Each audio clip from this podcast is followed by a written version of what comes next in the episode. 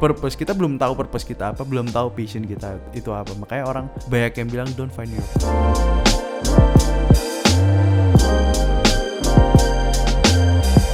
concentration camp ini kan things yang dia nggak bisa ganti dan dia di sini menemukan purpose of life. Jadi dia percaya dia percaya.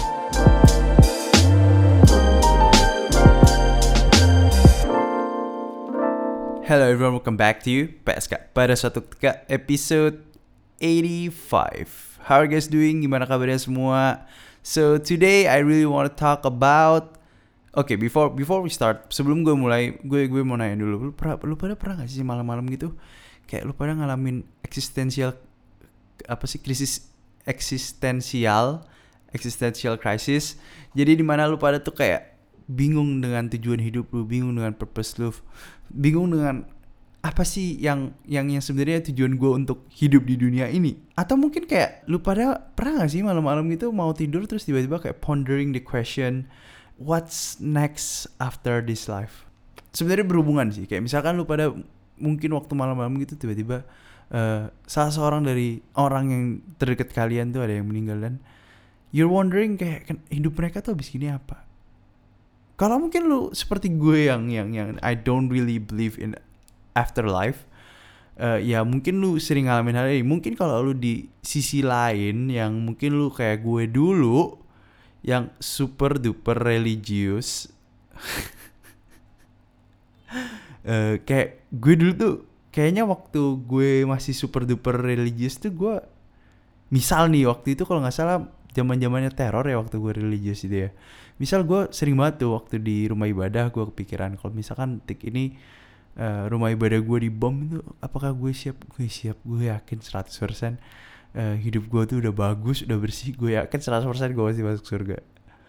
But there are some people in the gray area gitu. There are some people yang mungkin uh, believe in the religion itself karena mereka culturally uh, udah di raise kayak gitu but then banyak sih orang-orang kayak gini kayak teman-teman gue itu kayak uh, gue percaya sih kalau misalkan tentang agama gue dan terus gue tanya kalau lu mati kira-kira gimana? Nih lu lu lu pra, penasaran gak sih? Dan jawaban mereka rata-rata kayak iya sih sebenarnya gue lumayan penasaran sih. Kayak gue aja nggak even 100% believe in afterlife itself. Apalagi kayak sains itu udah berkembang pesat banget kan. Uh, yang membuat orang-orang tuh sebenarnya semakin uh, takut semakin bimbang apakah emang beneran ada afterlife or not? Uh, sebagai contoh adalah strawberry isti. Uh, salah seorang tim di PSK podcast dia juga sering ngomong. Masih sering ragu gitu. Uh, sampai dia nggak mau baca buku sapiens karena dia takut imannya goyang. So yes. Kalau lo pada mungkin sering pikiran seperti itu sih gue gue sering berangan-angan juga sih. Jadi gue sering banget berangan-angan kalau misalkan uh, certain things in life that I can change. Kayak mungkin di masa lalu gue ada suatu like for example yang paling obvious banget lu pada tahu visa gue pernah masalah dan gue harus pulang ke Indonesia. What if what if gitu. Waktu itu visa gue nggak ada masalah. Orang mungkin mungkin. Gimana kalau ternyata tuh time traveling itu very possible and then uh, gue bisa pindah ke masa lalu dengan ingatan gue yang sama and then gue mungkin menangin lottery ya kan? Uh, lottery itu kalau di Amerika tuh lu bisa menang sampai kayak 5 10 T sekali lottery gitu. Gue bisa tahu angka berapa gue menangin lottery atau mungkin kayak gue bisa terakhir lagi sebagai seorang yang I don't know man. Mungkin lu bisa beli bitcoin dan akhirnya lu bisa kaya raya. Gue gue sering banget pikiran itu and then gue bayangin gitu hidup gue bakal kayak gimana? Kalau misalkan gue punya duit uh, triliunan rupiah dan gue uh, being like let's say NFL star bintang football player di Amerika gitu kan hidup gue sukses punya keluarga punya anak anak gue sukses and then gue mati. Terus gue tanya ke diri gue sendiri waktu itu emang tujuannya dengan lu bikin sukses and then lu uh, anak-anak lu sukses mungkin and then you you're making like a legacy gitu tujuan lu apa what do you get? Setelah lu mati it's all done bro. There's nothing there. Ya udah gitu dan dan gue sering banget abis gitu setelah gue berangan-angan itu gue biasanya keranjangan gue lebih pikir gitu abis, abis gue mati kira-kira apa sih yang yang terjadi di diri gue itu secara biologically? Apakah otak gue mati dan gue bermimpi selamanya atau that's it? Kayak lu pernah kan pasti kayak mimpi tapi lu totally kayak forget kayak forgot mimpi lu tentang apa. Dan gue sering bertanya tentang hal itu. And I really believe gak nggak nggak cuman gue gue yakin lu pada yang dengerin ini sekarang juga sering banget mikirin tentang hal ini apalagi di zaman yang yang serba modern sains udah berkembang begitu pesatnya exponentially uh, dan dan lu pada sekarang banyakin dari lu pada dengerin podcast ini lu ada lagi quarter life crisis mikirin dalam tanda kutip passion lu tuh apa yang di mana semua orang udah nemuin passionnya purpose-nya. Ya kan mungkin ada temen lu yang sekarang hidupnya udah enak masuk consulting group kayak raya every weekend party. Mungkin sekarang enggak karena coronavirus uh, virus corona. Terus mungkin lu ngelihat temen lu lagi yang jadi influencer. Hidupnya tuh udah udah enak banget. Tiap hari dikirimin makanan. Cuman endorse gitu berapa juta. Atau mungkin temen lu yang udah bisa nyicil rumah. Well there are so many things yang yang yang mungkin bisa buat lu iri. Dan sekarang lu lagi mungkin lanjutin kerjaan baunyok lu dan lu nggak suka kerjaan itu or even mungkin lu sekarang kerja dari jam 9 sampai jam 5 and you really hate your job man. Kayak semua orang gak cuma lu doang tenang aja. Kayak banyak banget orang luar sana. Nggak semua orang but banyak banget orang luar sana. Mungkin aja orang-orang yang udah nemuin purpose di hidup dia yang lu ngerasa mereka udah nemuin purpose di hidup mereka. Padahal mereka sebenarnya nggak gak, gak menemuin purpose. Waktu mungkin mereka kerja di uh, tech company consulting company tapi mereka masih benci job mereka. Uh, you never know right? Karena yang selalu kelihatan di depan kita adalah yang bagus-bagus aja. Especially kalau lu compare itu di uh, social media. Yang di mana lu social media semuanya kelihatan di muka lu di mata lu itu cuman kayak the beauty of it. Gak mungkin kan lu post foto di Instagram lu oh kalau jelek banget. Mungkin kalau lu cowok lu harus cari perfect angle yang yang bikin lu I don't know man. Lebih bersinar gitu. Hidung lu lebih mancung or I don't know. Mungkin kalau lu cewek lu harus kayak your makeup on point your hair kayak lagi nggak bad hair day. I guess yeah that's that's the problem with our itu masalah di generasi kita sih sebenarnya ya tentang hal ini. Dan uh, kalau pada sering berpikiran tentang hal itu don't worry banyak banget orang luar sana yang juga berpikiran seperti itu. Nah kenapa gue tiba-tiba ingin ngomongin tentang hal ini? Ya kan? Kenapa tiba-tiba gue kayak very I don't know man for the past like I think last week uh, minggu lalu punya episode kayak tentang something about life juga gak sih? Gue juga lupa apa but ya yeah, I I've just finished a book kan ya. Gue baru selesai selesai sebuah buku yaitu adalah the meaning of life ya very obvious bukunya tentang apa ya kan? Jadi bukunya ini uh, dari seorang psychiatrist. Dia psychiatrist is psikiater dan dia juga neuroscientist ya kan? Kayak siapa sih itu? That that guy Doctor Strange. Uh, ya gak sih? Doctor Strange kayak neuroscientist I guess. Uh, tapi dia ini dia ini Holocaust survivor. Holocaust survivor tuh orang-orang yang berhasil lolos dari uh, camp konsentrasinya Nazi yang biasanya orang-orang dimasukin chamber gas atau mungkin dibawa naik kereta sampai mati atau disiksa. Dia ini dia orang ini jadi basically dia tuh lolos dari ini ya kan? Lolos dari semua hal ini dan dia tuh ngasih cerita tentang gimana uh, psikologi orang-orang yang ada di Holocaust camp Holocaust camp concentration camp sorry di concentration camp ini nah di situ di awal-awal dia ceritain itu dan di akhirnya dia ceritain tentang gimana dia nemuin the meaning of life itself. Karena banyak banget yang yang yang dia bilang tuh orang zaman sekarang itu kebanyakan tuh mereka semakin lama waktu tuh semakin banyak. Ya kan? Kayak kalau lu baca bukunya Tim Ferriss dia tuh malah bikin kayak four, four days a week is it?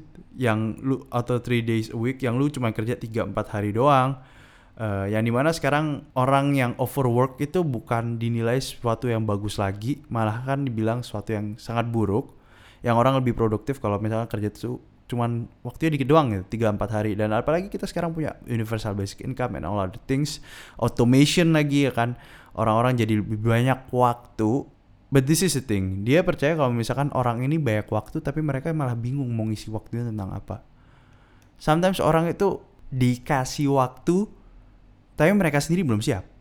Gue kasih contoh nih ya. Kayak misal bokap gue. Bokap gue tuh kan kerjanya keras banget. 7 kali 9 jam 10 jam. Ya 9 jam lah. 7 kali 9 jam dia kerja. Karena coronavirus sekarang virus corona sekarang cuman eh, 8 jam. Jadi 7 kali 8 jam. Dia buka every day ya bokap gue dagang bokap, bokap gue punya toko kok. Jadi dia buka Senin sampai Minggu. Kita tutup tutup cuman lebaran doang. Waktu kita atau sekarang tambah sebulan sekali kita tutup. So it's a good thing.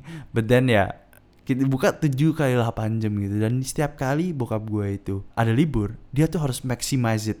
Karena dia nggak suka emang nggak suka do nothing basically jadi dia harus misal misalnya kita lagi trip ke Bali satu hari tuh harus full dari jam 7 pagi bangun pagi banget ya kan jam 6 jam 7 tuh udah kita udah start. Bukan bangun doang kita udah start udah mandi segala macam dan pulang terus jam 9 jam 10 pokoknya tuh harus maximize maksimalin itu itu waktu itu. Dan terkadang tuh orang-orang zaman sekarang tuh mereka nggak siap dengan waktu kosong yang mereka punya. Ada satu quote yang menurut gue lumayan powerful sih waktu dia ngomongin dia ngomongin tentang uh, kayak there are people who have who have mean but they do not have means ngerti gak? There are some people who have means but they don't have mean. Tapi banyak banget juga orang yang nggak punya dua-duanya dan itu kasihan. Jadi ada orang yang punya barang, punya segalanya, tapi dia nggak punya arti di hidupnya dan ada pula orang yang mungkin punya arti di hidupnya, punya purpose, dia dapetin hal itu, tapi dia nggak punya uang. And he really feels that it is so much better waktu lu punya arti di hidup lu tapi lu ya nggak punya barang tapi ada juga orang yang nggak punya dua-duanya dia udah nggak punya everything dan juga dia nggak punya arti di hidupnya dan menurut gue itu sangat it strikes me so hard kayak itu bener-bener bikin gue lumayan klik gitu gue bisa bilang kayak hmm, masuk akal sih. Karena banyak orang sekarang uh, yang yang actually nggak punya arti di hidupnya yang yang gue ngerasa hal itu apalagi di kita ya. Lu pada pendengar dan mungkin bisa jadi gue ya kan? Kita nggak punya purpose kita belum tahu purpose kita apa belum tahu passion kita itu apa. Makanya orang banyak yang bilang don't find your passion. Interesting kan? Kenapa you shouldn't find your uh, passion? But well di buku itu dia dia kasih lu berapa cara oke okay, dia kasih lu berapa cara untuk lu nemuin the purpose of life and I I I I really really feel it's so unique in a way. Jadi gue kasih tahu beberapa cara. Dia kasih kita tiga cara. Tiga cara untuk lu nemuin purpose di hidup lu. Bagi lu yang mungkin sekarang lagi cari purpose itu, lu bisa tahu dari tiga cara ini. Oke. Okay. By the first one, by creating a work. Dengan cara lu membuat sesuatu, kan? It can be anything. Misal gue kasih contoh, mungkin lu yang paling gampang lu kerja di bagian seni, ya kan? lu mungkin bikin karya musik bikin uh, lukisan bikin patung gitu uh, it can be anything yang benar-benar itu jadi passion lu lu nemuin hal itu waktu lu ngebuat hal itu lu jadi senang lu jadi nemuin purpose lu ini loh purpose di hidup gue jadi by lu mencoba untuk membuat sesuatu lu bisa nemuin purpose lu. Very obvious misal lu bodybuilder lu mau bikin badan lu sebagus mungkin. Kayak Ade Rai kayak Arnold gitu dulu. Itu sebagai salah satu contoh cara bikin badan lu jadi kayak the state of art. Jadi itu lu mungkin bisa lakuin hal yang pertama. Itu paling gampang yang lu bisa lakuin dan lu bisa dapat. Cara kedua. Dia ngomong di cara kedua adalah experiencing something or encountering someone jadi di poin kedua ini dia lebih uh, fokus di encountering someone jadi dia di sini tuh dia tuh melihat love itu sangat gede dengan lu dia mungkin love-nya lebih ke arah kayak relationship spouse lu antara lu dan uh, pasangan hidup kalian. Di sini dia bilang dengan lu nemuin pasangan hidup kalian lu bisa saling ngebuka potensial hidup dan lu bisa waktu nemuin hal ini dengan lu bonding, lu bisa nemuin kayak oh ya yeah, my purpose in life is to be with this person. But oh well, some people mereka nggak mau nikah doesn't mean mereka nggak bisa nemuin purpose of life. Ini kan salah satu cara, ada tiga cara. Lu bisa pilih salah satu, or mungkin lu bisa pilih dua, or even mungkin lu bisa do all three. ya kan jadi jadi nih ini nih dia ngomong di sini itu salah satu cara by by encountering someone itu dia maksud dia tuh bukan cuman seks dia ngomong karena dia percaya bahwa seks is a mood of expression. Jadi itu cuman seks itu ada salah satu cara buat dalam mencintai. Jadi dia nggak mau ngeliat seksnya doang. Dia mau ngeliat cinta di in a bigger picture di gambaran yang lebih besar. Jadi yang pertama adalah creating work. Yang kedua adalah encountering someone. Mungkin lebih specifically kayak love. Yang ketiga this is a very interesting thing to say. Kayak dia terkenalnya Viktor Frankl tuh terkenalnya gara-gara ini yaitu adalah the attitude we take to unavoidable suffering jadi tingkah laku lo yang tingkah laku kita yang kita lakuin waktu kita dapetin penderitaan unavoidable tuh kayak yang lu nggak bisa lari. Jadi dari lu uh, misal lu kena kanker stadium 4 lu nggak bisa lari kan. Mungkin karena kayak waktu visa gue masalah, kartunya kecolong, gue nggak bisa lari. uh, or many other things dan di kasus dia adalah dia lolos concentration camp yang di mana banyak uh, puluhan ribu orang mati Jewish and ras-ras lain juga mati dan di sini dia bilang kalau misalkan suffering itu ingat ya kata kuncinya dia jelasin sekali lagi itu unavoidable suffering. Jadi bukan lu mencoba untuk nyari suffering dan lu menemukan arti hidup. Eh, itu kalau dia percaya dia itu namanya masokistik gitu. Bukan berarti hal itu, tapi lu dapetin kayak things yang lu nggak bisa ganti di hidup lu. Jadi dia di sini tuh sebenarnya ceritain dari cerita dia yang waktu dia masuk concentration camp Nah, di concentration camp ini kan things yang dia nggak bisa ganti dan dia di sini menemukan purpose of life. Jadi dia percaya dia percaya akan satu hal dan gue bisa relate banget tentang hal ini sih.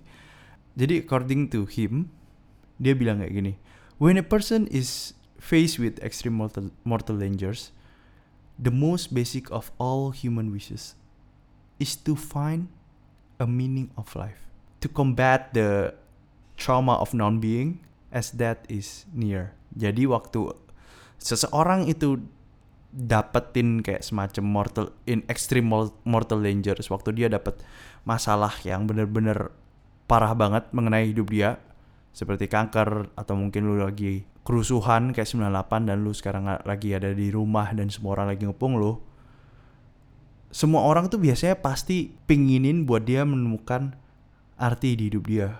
Buat ngelawan uh, trauma of non being. Trauma kalau misalkan dia itu sebenarnya non being apa sih? Kayak non non existent uh, kayak lu sebenarnya nggak bukan siapa-siapa dan lu nggak ada lu nggak eksis di dunia ini. As the death as death is near kayak waktu lu udah tahu kalau misalkan mati lu tuh deket banget. Jadi jadi mungkin lu kepikiran kayak kenapa sih? Kenapa? Emang emang bener hal ini? Jujur aja gue gue selalu percayakan hal ini sih waktu gue. Gak usah jauh-jauh waktu mati. Waktu gue bener-bener at bener-bener hit rock bottom bener-bener gue jatuh banget. Gue selalu nanyain meaning of life, purpose of life gue itu apa sebenarnya. Nah di sini kan dia bilang kayak attitude to attitude we take to unavoidable suffering kan. Jadi apa yang misalkan kita uh, lakukan waktu kita dapetin hal ini, itulah sebenarnya yang lu bisa nemuin di sini lu bisa dapetin uh, the meaning of life itself. Kalau pada tahu uh, five stages of grief yang gue pernah bilang, yang pertama itu kalau misalkan lu misal ketahuan, an lu bakal mati karena kena sesuatu penyakit yang pertama yang pasti in denial, yang lu menolak untuk percayakan hal itu. Yang kedua itu adalah apa sih gue gue gue sendiri juga lupa five stages of grief. Yang kedua gue selalu lupa sih. Uh, anger, lu marah kenapa kayak hal ini terjadi, lu marah apa diri lu, lu uh, misal karena lu kena virus mungkin karena lu pergi malam-malam dan lu beli nasi goreng dan ternyata orang nasi gorengnya punya virus. Well, I don't know. And then bargaining, bargaining ini biasanya wah kalau lu mungkin bertanya-tanya pada Tuhan atau pada pada kayak sang pencipta di universe, kenapa harus gue dan lu mulai stage keempat adalah depression dan stage kelima adalah acceptance. Yang di sini dia percaya dengan lu bisa accept akan hal ini, it makes you stronger. Karena waktu lu suffer, lu sebenarnya hidup itu selalu butuh suffering sih. Lu selalu butuh namanya penderitaan untuk lu berkembang di hidup lu berikutnya. Karena waktu orang nggak menerima penderitaan gini orang nggak bisa nggak bakal bisa berkembang jadi dia percaya kalau unavoidable suffering itu it's a gift uh, yang kalau lu bisa accept you're gonna find the meaning of life. And by attitude dia percaya kalau lu nggak seharusnya cuma bisa accept hal itu. Harusnya lu bisa share. Harusnya dengan lu bisa accept hal itu. Mungkin misalkan lu uh, kena kanker dan lu menang akan kanker itu lu bisa sharing ke orang-orang. Uh, lu bisa give support to people uh, mungkin lu bisa ke hospital jengukin orang-orang kasih seminar gimana cara lu fight cancer lu kasih lu ngomong depan umum kayak how how you fought a cancer and you strive to help many other yang lu lu mencoba untuk membantu anak-anak muda uh, untuk lu bisa untuk mereka bisa fight against cancer. Jadi di sini dengan lu bisa perjuangin akan hal itu, value lu juga nambah value di hidup lu dan di situ lu bakal nemuin the meaning of life itself. Jadi lu pada harus tahu ingat tiga hal itu yang dia omongin. Yang pertama adalah creating a work, yang kedua adalah lu menemukan someone, I don't know who, spouse yang dia bilang. Yang ketiga lebih karena love. Yang ketiga dia bilang apa yang lu bakal lakuin waktu lu menerima penderitaan yang lu nggak bisa lari dari penderitaan itu. Jadi dari tiga hal ini lu bisa menemuin the purpose of life itself. Dan dari dia juga dia juga menambahkan satu hal terakhir adalah kalau kalau misalkan hidup itu kayak sebuah film. Film itu kan waktu zamannya dia 1960 itu kan kumpulan gambar kan. Jadi dia bilang kalau misalkan film itu uh, kayak kumpulan gambar. Hidup lu tuh kayak kumpulan gambar. Kalau lu lihat satu-satu itu aneh men. Dan kalau misalkan lu crop satu-satu, ambil satu-satu, lu tuh gak nyambung Begitu pula sama hidup. Untuk lu bisa nemuin the value of life, lu gak bisa ngeliat itu cuma dari satu bagian dari hidup itu. Lu harus ngeliat semuanya, semua bagian dari hidup itu dan semua orang tuh berbeda. Alasannya mereka berbeda banget. Mungkin di satu part lu lagi nggak nemuin passion of life dan sorry purpose of life dan dia percaya kalau misalkan tiap bagian itu ada purpose-nya sendiri-sendiri Ya kan, obviously di film itu ada bagian setiap bagian tuh ada purpose-nya sendiri-sendiri. Kenapa scene ini diambil, kenapa scene ini diambil, atau mungkin kalau lu baca novel, uh, kenapa ceritanya pakai gini di bagian ini. Dan di setiap bagian itu sebenarnya orang bisa berubah purpose of life-nya. Nggak cuma satu doang passion dia. Passion lagi. gue benci kata-kata passion gimmick man. Uh, meaning dia tuh setiap bagian tuh sebenarnya berbeda jadi life is like a movie makanya lu harus nonton dari awal sampai akhir. Lu harus berjuang sampai lu kelarin film itu. Dan kalau lu mau look back jangan cuma look back ke satu poin dan lu nggak bisa nemuin passion atau passion lagi meaning itu sendiri tapi lu harus lihat meaning of life adalah sekumpulan-sekumpulan cerita-cerita di hidup lo. So, yeah, I guess that's it for the podcast today. Damn, how long is it? Lumayan panjang ya compared to last week. But anyway, thank you so much for listening. I really hope you learn something, and I really hope that you can uh, find your purpose in life, meaning in life. Oke, okay, karena oh ya, gue juga lupa karena dia bilang kalau meaning of eh, meaning of your life tuh gak bisa lu pikirin doang. Lu harus terjun ke dunia. You have to feel it. You have to take action to find your meaning in life. So, I'll see you guys next week. And see ya. Don't forget to follow PSK Podcast. DM me kalau pada ada cerita karena gue lumayan kehabisan cerita. so yeah, see ya guys.